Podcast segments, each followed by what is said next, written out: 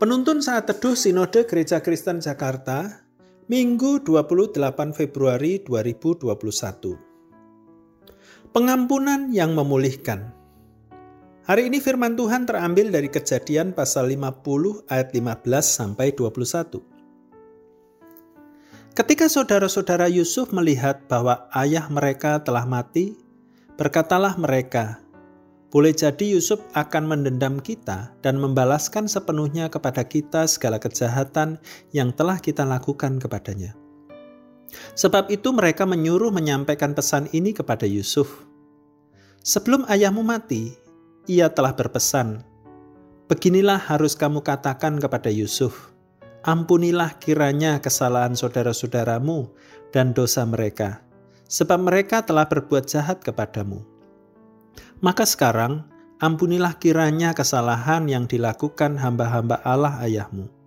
Lalu menangislah Yusuf ketika orang berkata demikian kepadanya. Juga saudara-saudaranya datang sendiri dan sujud di depannya, serta berkata, Kami datang untuk menjadi budakmu. Tetapi Yusuf berkata kepada mereka, Janganlah takut, sebab aku inikah pengganti Allah?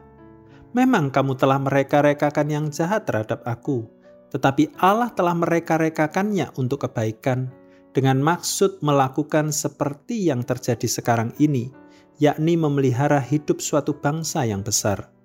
Jadi janganlah takut, aku akan menanggung makananmu dan makan anak-anakmu juga.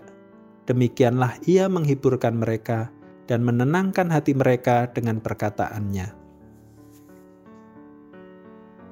Pada 25 Januari 2005, Kathleen Kathy Coleman dikabarkan hilang.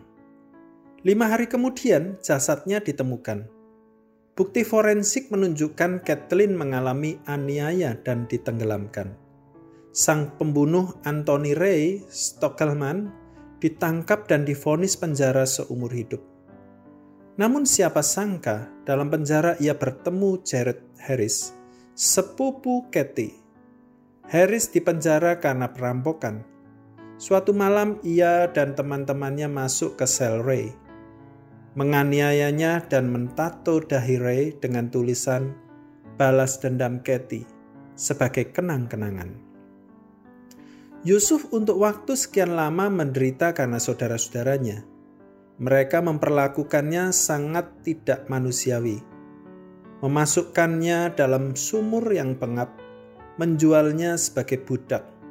Seterusnya Yusuf difitnah dan akhirnya masuk ke dalam penjara. Kesukaran silih berganti dialaminya karena perlakuan saudara-saudaranya. Namun ketika Yusuf menjadi penguasa Mesir dan bertemu saudara-saudaranya, Yusuf tidak membalas perbuatan jahat mereka. Ia mengampuni mereka ini luar biasa.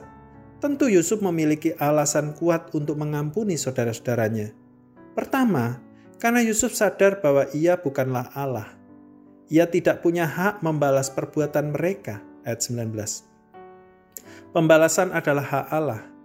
Yusuf tidak mau mengambil hak Allah. Kedua, Yusuf melihat penderitaannya dari sudut pandang Allah. Ayat 20. Ia tahu jalan hidupnya yang sulit adalah untuk membuka jalan bagi penyelamatan sebuah bangsa.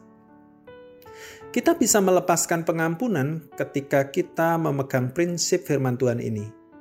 Kita tidak memiliki hak sedikit pun untuk membalas kejahatan orang lain kepada kita.